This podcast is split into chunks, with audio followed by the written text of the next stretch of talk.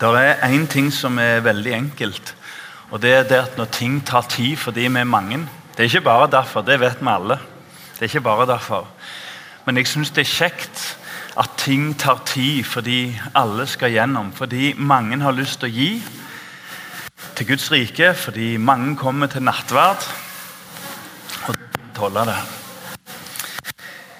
Ja, vi skulle egentlig ha en sang nå, men jeg tror vi går rett på sak, så ikke vi ender helt opp i middagen. Um, I år og kirkeåret på bedehuset det er litt annerledes. Det starter liksom litt etter sommeren, det da, i august. Selv om det skulle ha start med advent. Så fra august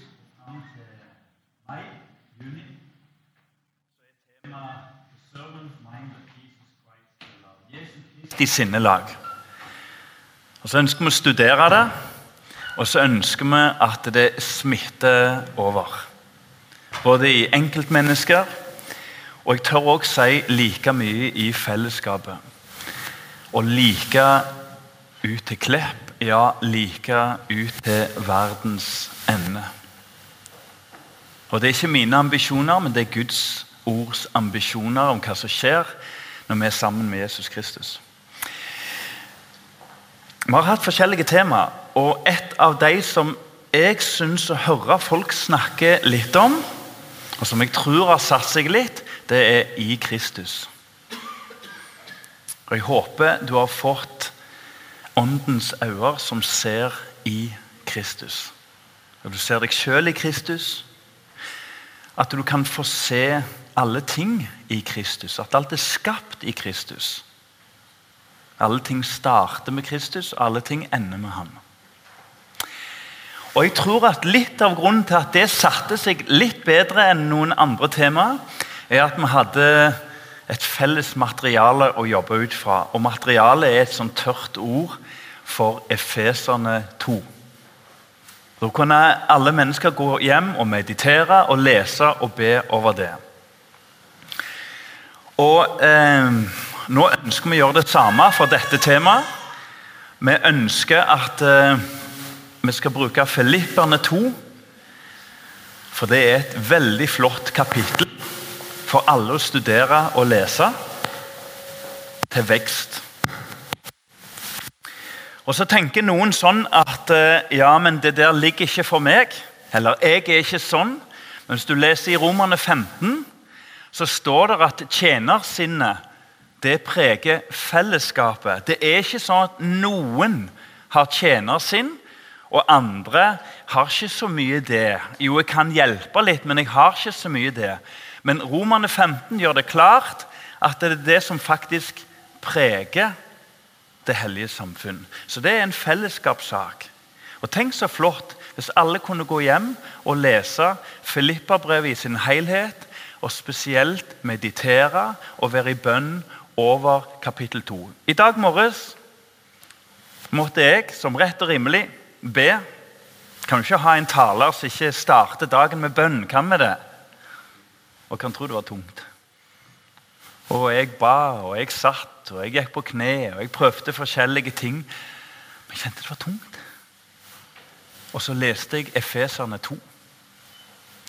Og så bare kom bønnene. For Guds ord skaper. Og det skaper det det nevner. Og Istedenfor at jeg sitter og fomler etter ord, prektige og fine, så bringes jeg inn i en lyttende posisjon til Gud. Så Tenk så flott om fellesskapet her kunne lese Efeserne 2. Vi kan Filipperne 2, ja. Det var en test. Den er dårlig, altså. Herre Jesus, så vil vi i fellesskap, Herre, være stille framfor deg.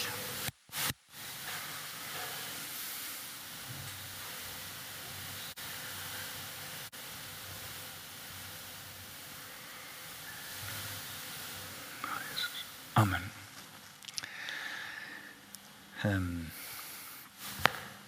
Jeg eh, fikk treffe ei dame en gang som har vært misjonær i Peru. Hun hadde vært en plass oppe i fjellet der eh, det var noen gamle miner, eller gruver. Gullgruver. Og eh, De var jo oppretta når spanjolene inntok på 1500-tallet eller 1400-1500-tallet. Og drevne hardt og på slavevis. Og sånn fortsetter de i dag. Det vil si, Minene er ganske utdrevne. Eh, men det er litt igjen. Så Små barn blir mer eller mindre i barnearbeid tvungen inn til å lete. Så finner de små rester, gamle, små eh, klumper, som for et utrent øye er bare en stein. Og eh, Når dagens lange økt er over, så setter de seg ned med hvert sitt lille stearinlys. Og Jeg syns jeg så det for meg. Og så holdt de ei skei over uh, stearinlyset. Så la de Det er min gullring. Så la de steinen og slagget og gull alt oppi, og så varmte de. Og det kan bli varmt over et stearinlys. Og så skildes slagget, det en ikke vil ha, fra gullet gjennom varme. De som var der på fredag, fikk høre en nydelig historie fra Helena. Nydelig og nydelig, fru Blom.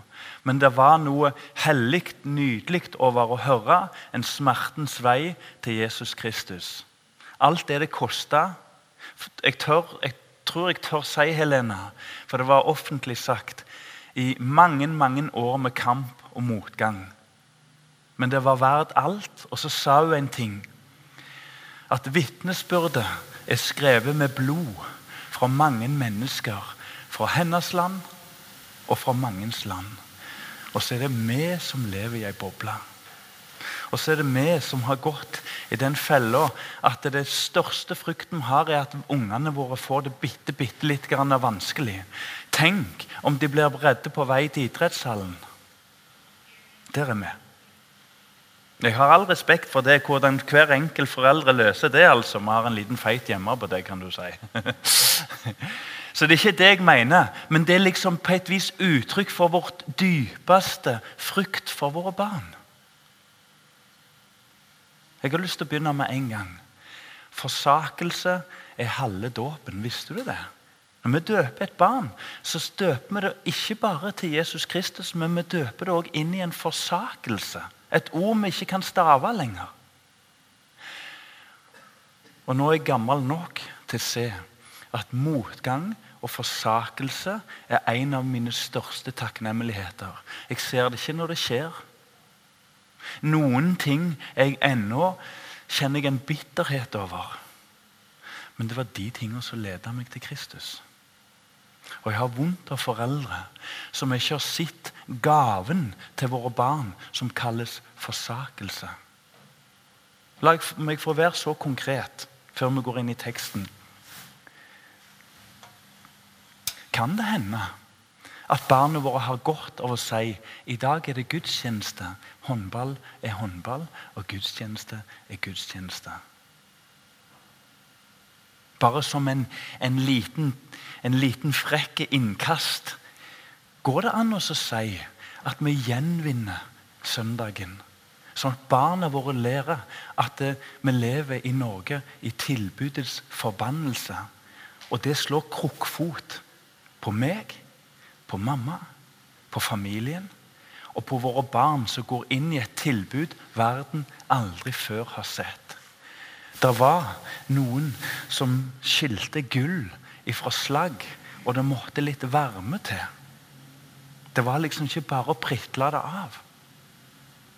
Og Så spurte misjonæren på mest profetisk vis når er gullet skilt godt nok ifra slagget? Vet du hva barnet sa? Når jeg ser ansiktet skinne i gullet. Velkommen til gudstjeneste igjen. Tenk om Kristus kan få rense våre sinn ved Guds ord, sånn at Kristus skinner i våre liv. Vi satt på kontoret og jobbet litt sammen med, med Efeserne 14. Nei, åh, hatt det i hodet. Filippane 2. Og i vers 15 så er det et vers der som jeg tenker Det ble for drøyt, altså. Og Der står det at vi skal skinne som stjernene på nattehimmelen. Er vi der? Er vi der at våre liv skinner som en stjerne på en ellers nattehimmel? Jeg har en bønn at hvis Gud vil, og våren får komme, så vokser det fram et liv i ydmykt, forbausende tjenerskap blant oss som er her inne, som vekker oppsikt. Hvis vi får opp 1. Peter 1,7 Vi kan lese den teksten. 1. Peter 1,7.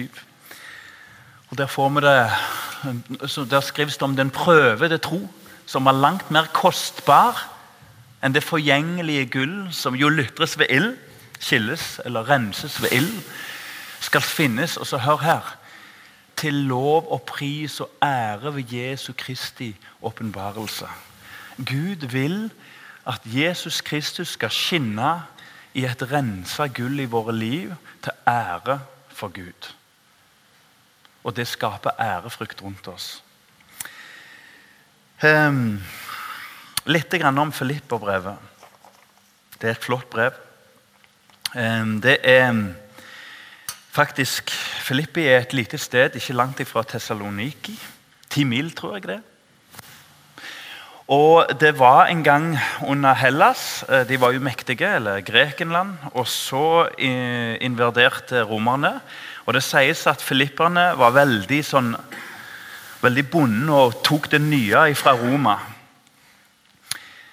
Og så eh, vet vi òg at Paulus ved en stor lykke ble vekt i en drøm. Og Så står det en engel på andre sida av elva og sier du skal ikke gå østover, du skal gå vestover. Og Der har du andre misjonsreiser av Paulus sine tre misjonsreiser. Og andre misjonsreiser ender i Filippi. Den byen bør du og jeg akte og ære. For der ble den første kristne menigheten etablert i det vestlige i Europa.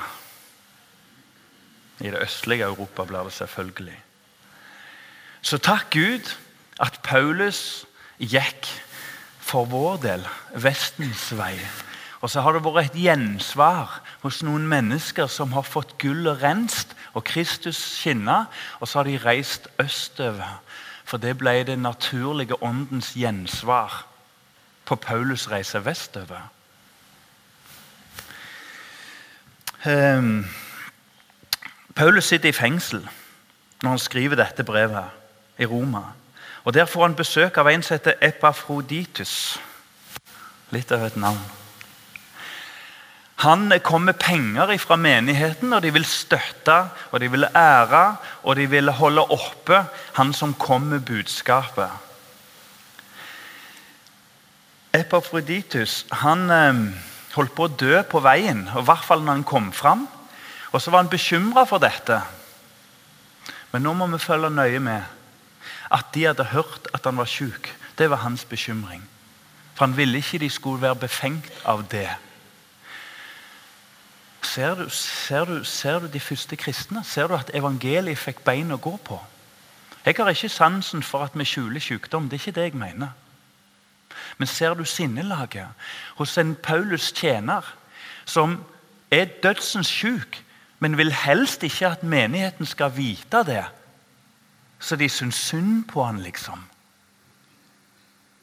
Hvis det frarev oppmerksomheten mot å bygge Guds rike. I sommer var jeg på UL. Der hørte jeg en fantastisk tale en kveld. Og Det som var spesielt for meg, det var at jeg visste at en liten tid i forveien fikk en av de som sto på scenen, vite at han hadde en alvorlig kreft. For kreft er alltid alvorlig når det er i alvorlig form. Sa ingenting. Brukte det ikke på scenen. Forkynte Guds ord med en veldig kraft. Sa ingenting etterpå. Jeg er ikke for å skjule sykdom. Men det er noe med det sinnelaget som preger den mannen. Han har for øvrig flytta til ei bygd for å tjene Gud der, ens ærend. Um, Epafroditus han eh, reiser tilbake igjen til, til Filippi.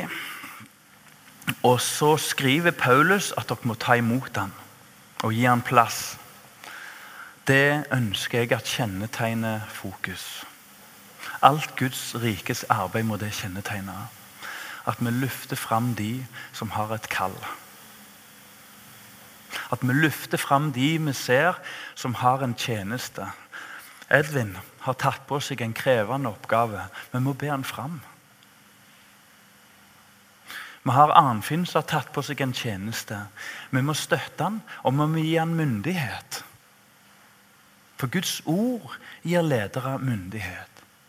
Som foreldre så må vi gi hverandre den gode, omsorgsfulle myndighet. Det blir mye spennende framover på Klepp bedehus for en tru Gud. Og så skal vi lytte til alle. Og så skal vi prøve å være gode på informasjon. Og så skal vi høre på mange innspill. Men gjennom det så må det være en nerve som først og fremst lytter til de som vil, og har lydige bein, lydige hender jeg syns det er så flott å se nede. Vanner i hvordan det blir, holdt jeg på å si. For det er noen som vil. Det er noen som ser noe. Ja. Kunne vi få bli et fellesskap som elsker fram de som står fram? Både de som er stille og har en skjult tjeneste, og de som stiller seg til hogg. Det er viktig for meg. Efeserbrevet er et gledesbrev. Eh, gled dere i Herren.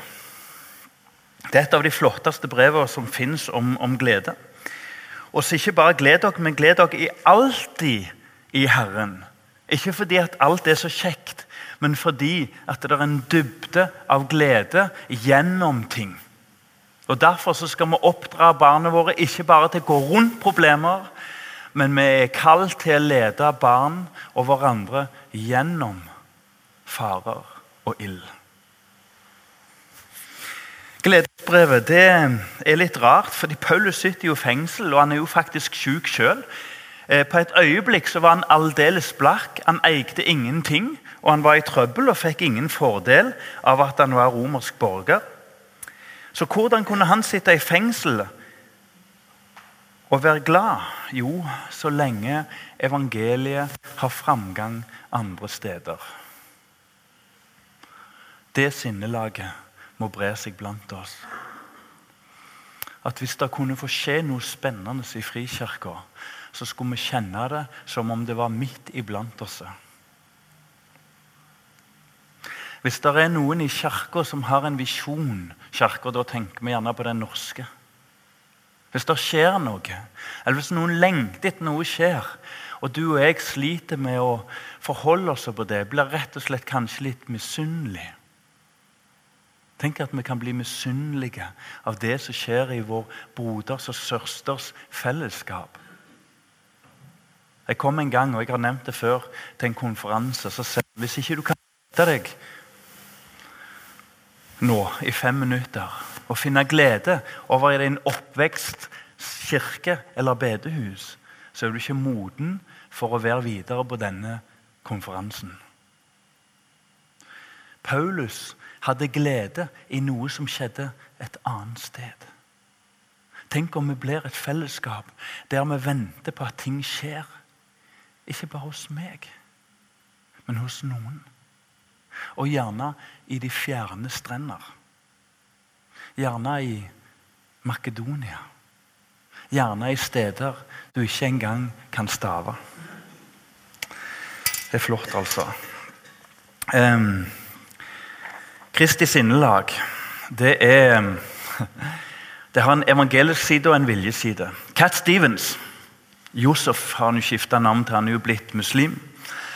Islam er perfekt, og hvis vi imiterer profeten Mohammeds oppførsel, altså kopierer eller imiterer han, blir vi vellykket. Det er konklusjonen på manifestet til Josef Stevens, tidligere musikk låtskriveren Cat Stevens.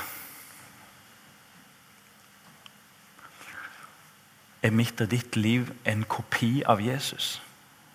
I vers 5 så kan vi lese at Kristi sinnelag skal bo i oss. Det vil si det er noe helt annet. Jesus er ikke en vi står og kopierer. Det er noe dypere, og det er noe større, og det er noe evangelisk. Han skal vokse inni oss. Som ikke er en stjerne som bare stråler som en refleksjon ifra sola, sånn som månen. Nei, Kristus stråler innenfra. Og da skjønner vi at det er om å gjøre å være der Jesus Kristus er, og bli fulgt av Han. Og så kommer det av seg sjøl. Vet du det? Vi kan merke på mennesker som sier de er kristne, og fylles av Jesus. Det kan vi merke. Vi kan òg merke tomheten og kraftløsheten i kristne som sier de hører Jesus til og han til Herre. Men det er, er ikke noe påfyll. Det vokser ikke, det stråler ikke fra innsida. Det er bare en svak, svak skimling av et lys utenfra. Så det er min bønn. At det vokser innenfra. Og så er det ikke bare sånn uff og nei, men det sier om storheten, den evangeliske storheten i at eh, han vokser innenfra. Og så er det en viljeside. Jesus ville være med Faderen. Det viste han i himmelen. Og Det viste han på jord. Han hadde behov for å gå til sides for å være med sin far. Men så kom det til et punkt at han måtte ville. Ikke fordi at selve valget er momentet i våre liv. Nei. Momentet er Kristus som vokser, og vi som avtar. Men det er en viljeside. Vil du? Bli frisk? spør Jesus nesten frekt til han som lå der i 38 år og ikke kom seg ned i vannet når det ble rørt opp. Så kommer Jesus og er så frekk og spør vil du bli frisk. Det er en side der du og jeg må reise oss opp og gå. Mm. Akkurat som med den bortkomne sønnen. Det var ikke valget hans som skapte en ny relasjon det var farens åpne armer. Men det er et punkt du og jeg må sette kurs i våre liv. Ja. Um, så når jeg f.eks. får lov å være med på dugnad innimellom her, eller andre typer tjenester Vi kan ikke dytte alle inn i en dugnad. Det, det gir ikke mening. Men alle disse tjenestene, så må jeg spørre meg sjøl Vokser dette innenfra, eller er det en påtatt tjeneste? Og så ligger vi der i vekselen mellom det som vokser innenfra, og det å velge den gode del. Ja. Um, vi kan spørre oss sjøl hva er egentlig et sinnelag kan ikke snakke om Kristi sinnelag. og så liksom, Hva er det? Så jeg måtte lese litt sjøl. Men jeg fant et vers fra Johannes 8, 44, som egentlig liksom setter kontrasten. Av og til så må vi se, det, se, se ting hvor gale det kan bli, før vi ser hva det, vi vil det skal være. Og I Johannes 8, 44 så ser vi det så klart som det går an. Eh, ja, Vi får justere den prosjekten, men eh, når han taler løgn ja, der står det, ja. Nederst. Når han taler løgn, taler han av sitt eget. For han er en løgner. Og hør løgnens far. Han er løgnens ur. Opphav. Han er løgnens far. Han kan ikke annet enn å lyge. Men det kan han godt. Han har til og med ved til å ikke lyge innimellom. For når han taler løgn ja. Så det som bor i Satan, det veller fram. Det er akkurat som det kammeret det han er fullt av, det taler munnen, og det gjør kroppen. Ja. Kristi sinnelag, da. Kristi sinnelag er i oss. Vi skal studere Jesus bitte litt etterpå. Men Kristi sinnelag hos oss Jeg måtte skrive det ned, for jeg, jeg, jeg syns det var så vanskelig. Men det har blitt noe sånn som dette, litt med hjelp fra ting jeg har lest. Det er altså guddommelige kvaliteter i våre liv. Du får tåle at det ble sånne ord, da. Men guddommelige kvaliteter i våre liv. Som skaper ærefrykt for Gud hos andre. En åndelighet som ikke skaper mindreverdighetsfølelse hos de vi omgås, men positiv nysgjerrighet. Sinnelaget hos oss er at Kristus, som vi vokser, ikke bare fysisk, men som vi vokser åndelig, så vokser Kristus i oss. Og så avtar vår egen vilje. Og hva skjer? Det vokser fram guddommelige kvaliteter i våre liv. Og de er sjokkerende i den tida vi lever i. Vi vet at uh, alle ting vi gjør, det er bundet til en tanke eller til, bundet til en start. Det er utrolig altså, Hvis vi ser på noe vi gjør, hvis vi leter litt bakover Hvorfor gjorde jeg det? Jeg er veldig glad i båt. Det vet mange her. Og Alt liksom begynner med noe, så det er liksom gøy å gå tilbake og se. Hvorfor ble det sånn, liksom? Og For meg så må jeg ned til Tananger, havna i Tananger. Der kom reketrolleren inn. Der var det 9,9. Siddis 10 fot. 3,20 het den den gang. Og så vokser det fram noe. Jeg må jo få meg en båt. Og så leser jeg jo at Noah hadde det, og det er rett og rimelig.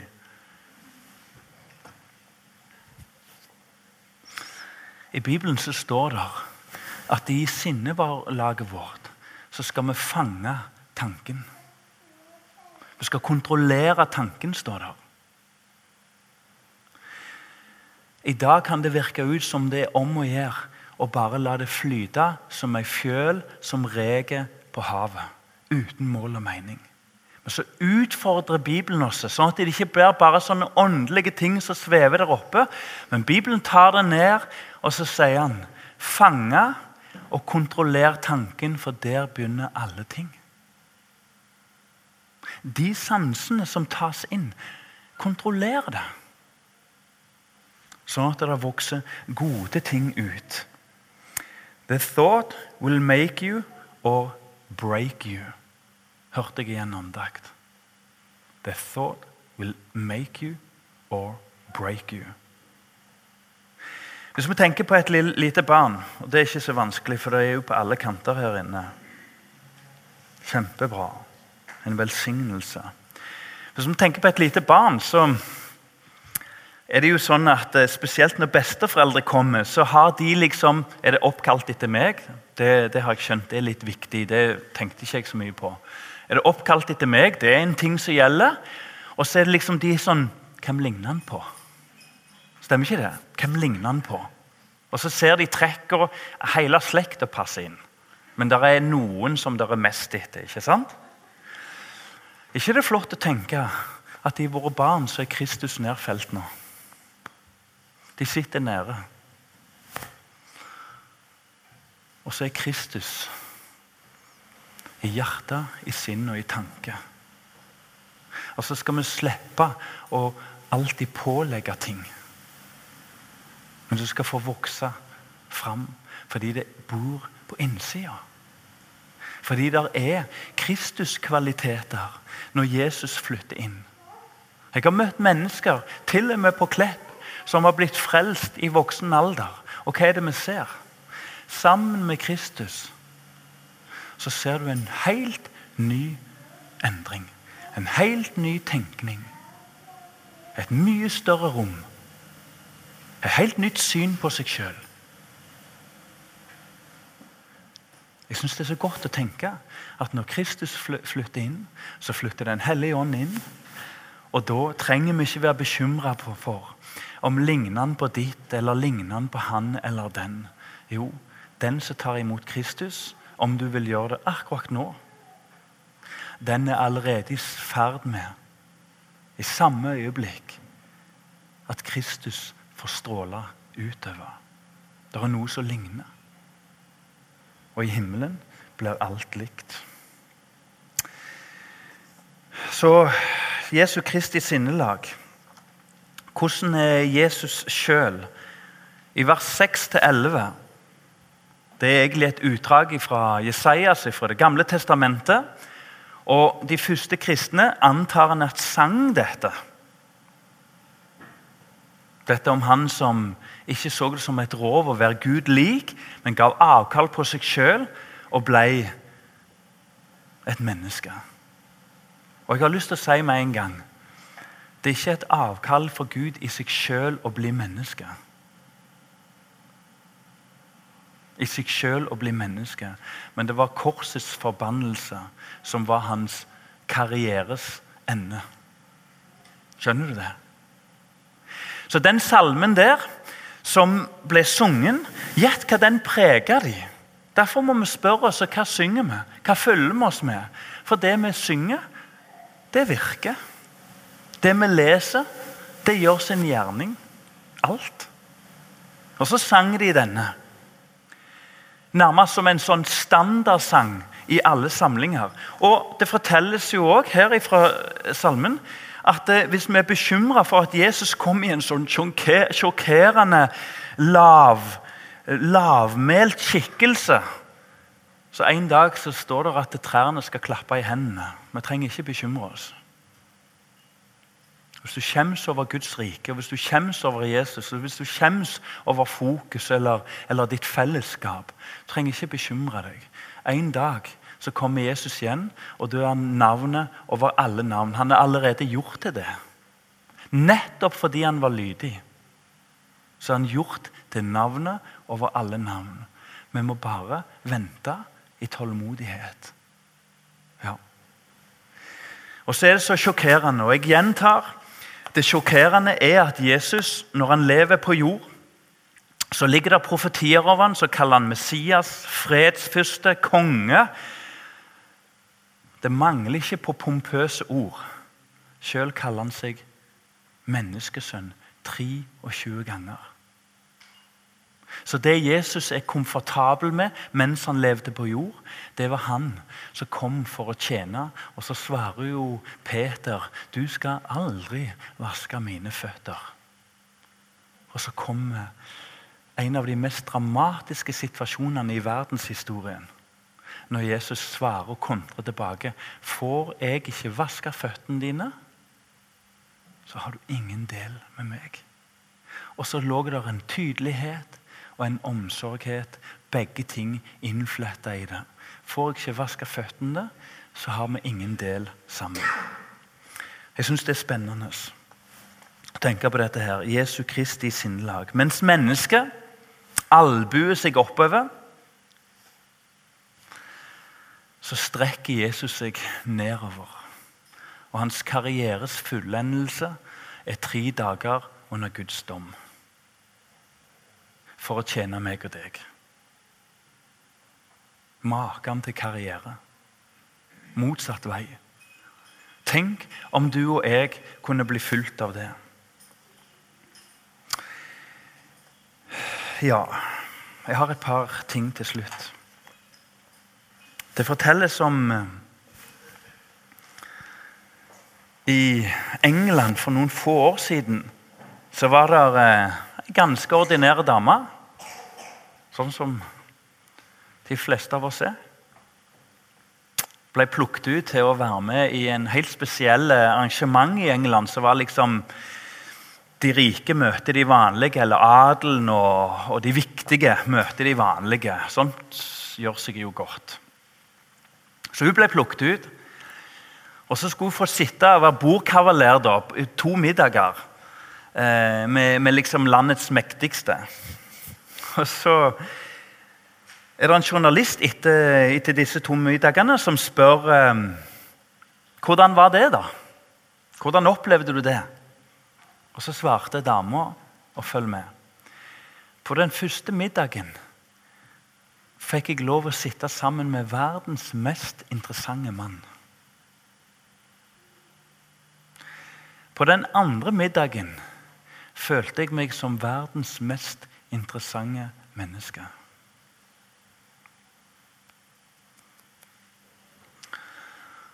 Vi kan snakke om Kristi sinnelag herfra til Mandal og tilbake igjen. Til syvende og sist så er det et spørsmål om du og jeg vil følge den teksten som du nesten ikke trenger være kristen for å se. Sett de andre høyere enn deg sjøl. Her ligger en vekkelsesnøkkel.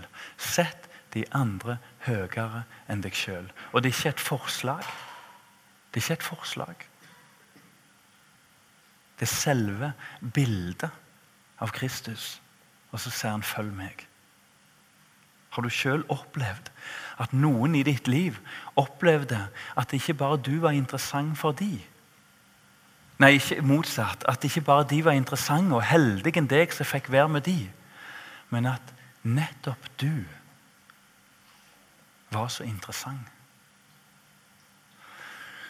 Jeg har en bønn. Jeg har bare ikke sagt at det er det viktigste ennå. Men jeg ber om at Gud kan få Jeg tror hun aner det vise meg noen som ikke går i fokus, som ikke er i den innerste sirkelen eller nummer tre eller fem, eller hvordan du vil, men noen som er absolutt utenfor. For i Jesus sinnelag ble vi minnet i går om at Jesus søker utover. Disiplene søkte utover. Så når du og jeg leter etter et fellesskap, så skulle vi lete innover, for det er rett. Det er et kjennetegn i vekkelsene før i tida. Og da var jo alt bra. At det, når folk ble frelst, så spurte de seg søker de de troende. Det var et kjernespørsmål om det var en sann og rett og, og, og, og eh, ja, omvendelse.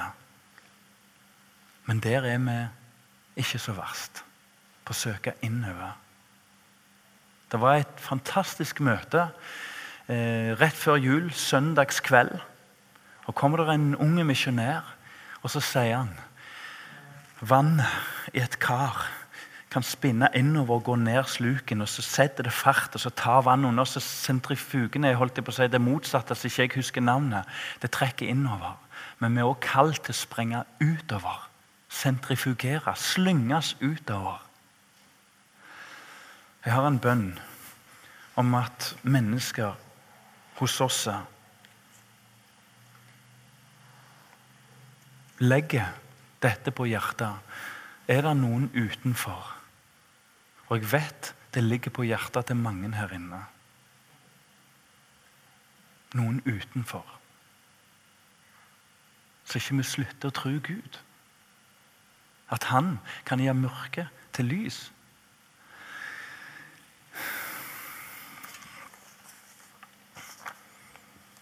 Det var en eh, katolsk biskop som gikk av i Norge. Jeg husker jo ikke navnet på han, vet du.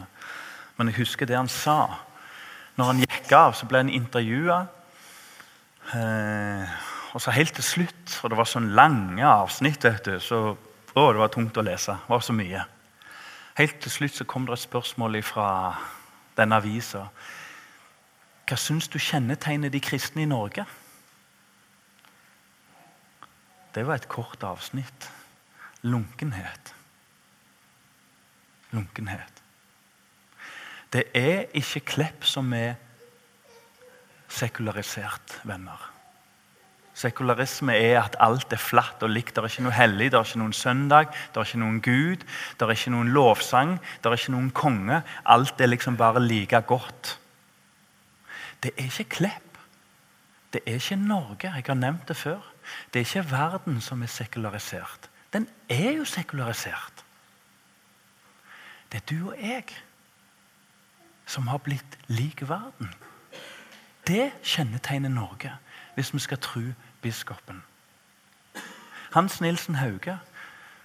Jeg har lest litt om han, men det er én ting jeg ikke fikk med meg. Visste du det? At Norges kanskje mest kjente mann Han som var så problematisk at de satte han 16 år i fengsel, men likevel var så mektig at de måtte trygle og be han ut av fengselet for å hjelpe dem i sultkatastrofen i Norge. Aner vi litt hvem vi snakker om? Og ingen som blir tatt ut av fengsel for å hjelpe Norge i dag, altså. Visste du det at når han møtte enkeltmennesker, så var det ikke uvanlig at han falt på knær, altså på knær, ikke, ikke på knær. Han begynte å grine. Han trygla og ba om at de måtte vende om. Derfor leser jeg bare opp noen enkle ord som står i kontrast til, som står i kontrast til lunkenheten som må kjennetegne oss. Og kanskje du kjenner at det, det der er min vei å gå. Jeg leser opp ord som salvelse. Jeg tenker på ord som tilgivelse. Jeg tenker på ord som tålmodighet. Ydmykhet. Frimodighet nød.